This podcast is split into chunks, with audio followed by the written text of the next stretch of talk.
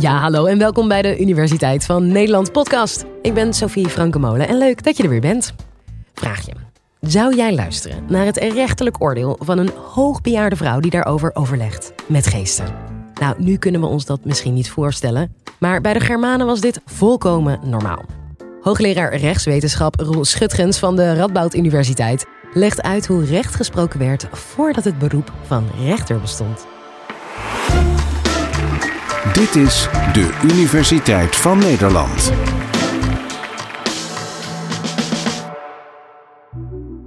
Ik ga u een vraag stellen die belediging is voor uw intelligentie. Die vraag luidt als volgt. Mag u met een bijl uw schoonmoeder de hersens inslaan? Wij weten allemaal wel dat wij niet met een bijl onze schoonmoeder de hersenen mogen inslaan. Daar hoeven we geen rechten voor te hebben gestudeerd. Sterker nog, daar hoef je nog nooit voor in een wetboek te hebben gekeken. We hebben namelijk allemaal een geweten, we hebben allemaal gevoel voor moraal en daar komen we een heel eind mee. En dat roept de vraag op, dames en heren, waar hebben we dan eigenlijk die wet voor nodig als we allemaal een gezond gevoel voor moraal hebben? De wet, dames en heren, is er heel lang ook niet geweest. Hoe werd er recht gesproken? Hoe kun je je voorstellen dat er recht werd gesproken in primitieve samenlevingen, bijvoorbeeld bij de oude Germanen? Daar hadden ze geen wet, daar hadden ze een oude vrouw. Ik zeg een oude vrouw, want u weet, vrouwen zijn wijzer dan mannen en bovendien worden ze ouder. Ze hadden een oude vrouw, de oudste vrouw van het dorp, die werd onder een dikke boom gezet. En als u met uw bijl de schoonmoeder de hersenen insloeg, dan werd niet in de wet gekeken. Nee, dan werd u voor die oude vrouw gebracht onder die boom. En die oude vrouw moest dan recht spreken. En die keek boven zich in die boom en die zei, nou, hier zit een boomgod. Ik veroordeel u. De hand waarmee uw schoonmoeder de hersens heeft ingeslagen, wordt eraf gehakt. Uitstekende vorm van rechtspraak. Hier wordt het gevoel van recht wordt bevredigd en alle partijen zijn tevreden. Dit systeem heeft één klein nadeel, dames en heren, en dat is dat die oude vrouw op een gegeven moment overlijdt. En wat gebeurt er dan? Dan vraagt men haar nichtje, een andere oude vrouw met dezelfde sterke en wijze genen, die heeft niet twee, maar drie tanden nog in de mond, die gaat onder diezelfde boom zitten.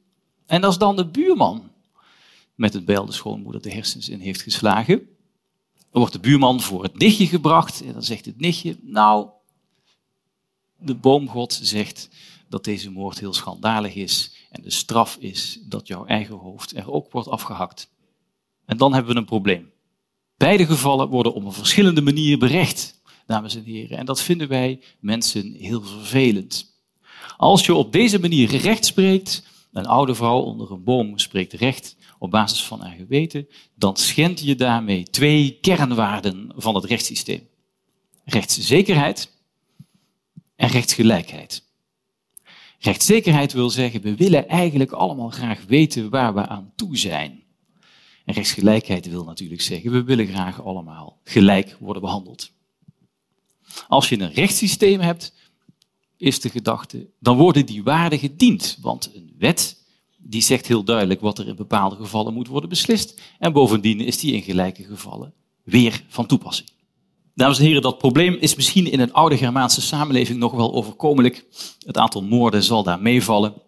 En andere rechtszaken vallen ook wel mee, omdat het een vrij eenvoudige samenleving is. Maar zo gauw je ziet dat een samenleving complexer wordt, zo gauw een samenleving zich gaat ontwikkelen, dan zie je onmiddellijk dat zo'n vorm van rechtspraak helemaal niet meer voldoet. En je ziet dat in Europa rond 1100 de eerste delen van de Renaissance beginnen. En de handel gaat zich in Europa dan ontwikkelen. En wat zie je dan voor reactie? Dan zie je dat Europeanen, die op, tot op dat moment op een hele primitieve manier recht hebben gesproken, het oude Romeinse recht weer uit het stof gaan halen. Want de samenleving wordt complexer zo gauw ze zich enigszins gaat ontwikkelen. En dan ontstaat de behoefte aan een duidelijk rechtssysteem dat in dezelfde gevallen dezelfde duidelijke en voorspelbare oplossingen geeft. Maar dan was dat oude Romeinse recht, dat was nog geen wet. Dat was een bedenksel van Romeinse juristen dat aan het begin van de renaissance onder het stof vandaan werd gehaald. Het wordt nog spannender als de Franse revolutie begint. De Franse revolutionairen die hebben geen vertrouwen meer in de rechter. Die vinden rechters voorbeelden van lieden uit de heersende klasse. Rechters zijn ook vaak aristocraten en ze hebben daar weinig vertrouwen in. Op het moment dat de Franse revolutie uitbreekt, verandert de visie op recht nog sterker. Vanaf dat moment zeggen de Franse revolutionairen, de rechter mag voortaan alleen nog maar recht spreken op basis van de wet. Hoe sterk is de rechter eigenlijk tegenwoordig nog gebonden aan de wet? De gebondenheid van de rechter aan de wet is het sterkste nog altijd in het strafrecht. Het strafrecht is een akelig vak. Want wat doet de rechter in het strafrecht? De rechter gaat bewust, als iemand een strafbaar feit heeft gepleegd, het leven van de veroordeelde een beetje minder leuk maken. Strafrecht is gericht op leedtoevoeging. De strafrechter doet de veroordeelde een klein beetje pijn. Of misschien wel heel erg veel pijn bij een lange gevangenisstraf. Dat vinden wij zo akelig en zo ingrijpend, dat juist in dat strafrecht gezegd wordt, daar moet de rechter zich heel precies oriënteren, bijna op de letter van de wet. Die akelige sanctie in dat strafrecht vinden we alleen maar geoorloofd als de rechter die precies kan afleiden uit de wet. En dat noemt men het legaliteitsbeginsel. Het legaliteitsbeginsel dat zegt, de rechter mag u en mij alleen maar straffen als wij een handeling plegen waarvan de wet op het moment dat we die handeling plegen al zegt dat die strafbaar is. Je kunt dat ook korter zeggen, dat legaliteitsbeginsel in het strafrecht is de eis van de voorafgaande strafbepaling. In dat strafrecht, omdat het legaliteitsbeginsel zo belangrijk is, geldt dan ook, dames en heren, analogieverbod. Nou moet ik u even wat theorie uitleggen. Eh, we hebben twee fraaie vormen van redeneren in het recht. De redenering per analogie en ten tweede de a contrario redenering. De analogie, die kom je tegen in het burgerlijk recht, maar in het strafrecht is ze verboden. Wat is een analogie? Een analogie die houdt het volgende in. De wet regelt geval A, de rechter wordt voorgelegd geval B, en dan zegt de rechter, oké, de wet gaat over geval A en mij wordt geval B voorgelegd, maar ja, geval B lijkt zoveel op geval A, ik pas die wet gewoon toe. Dat is een vorm van redeneren, redeneren per analogie, die je in het burgerlijk recht, het rechtsgebied, dat gaat over de verhoudingen tussen mensen onderling, best af en toe tegenkomt. Een beroemd voorbeeld van een ehm, redenering per analogie is het berkenboomarrest. Het oude burgerlijk wetboek kende een bepaling waarin stond twee eigenaars van naburige erven, twee eigenaars van naburige erven, als daar geldt dat een boom te dicht op de erfafscheiding staat, dan mag de ene eigenaar van de andere eigenaar vorderen dat hij die boom omhakt, uitroeit, zei de wet in oud-Nederlands. Op zeker moment wordt de Hoge Raad, onze hoogste rechter, een geval voorgelegd waar niet een eigenaar last heeft van een boom vlak op de erfgrens. Nee, het is een huurder van een huis en die heeft last van een boom van zijn buurman die ook een huurder is. De wet regelt geval A. Als eigenaar mag je het weghalen van die boom eisen. En de rechter krijgt volgens zijn neus geval B. Het gaat over huurders.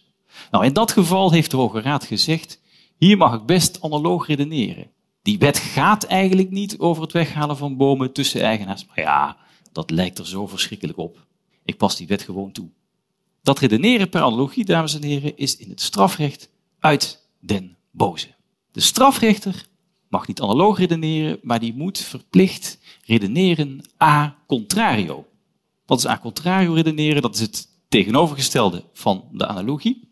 Een a contrario redenering, dat wil zeggen, de wet regelt geval A, de rechter krijgt voor zijn neus geval B, en dan zegt hij, geval B valt buiten de wet, dus ik mag die wet niet toepassen. Ik doe precies het tegenovergestelde. In het strafrecht kun je je dus heel precies op de wet oriënteren. En dat is mooi, want wij zijn alleen maar strafbaar precies dan als de wet zegt dat we strafbaar zijn. En wij weten dus allemaal precies waar we aan toe zijn. En dat is iets waar we in een rechtsstaat buitengewoon belang aan hechten.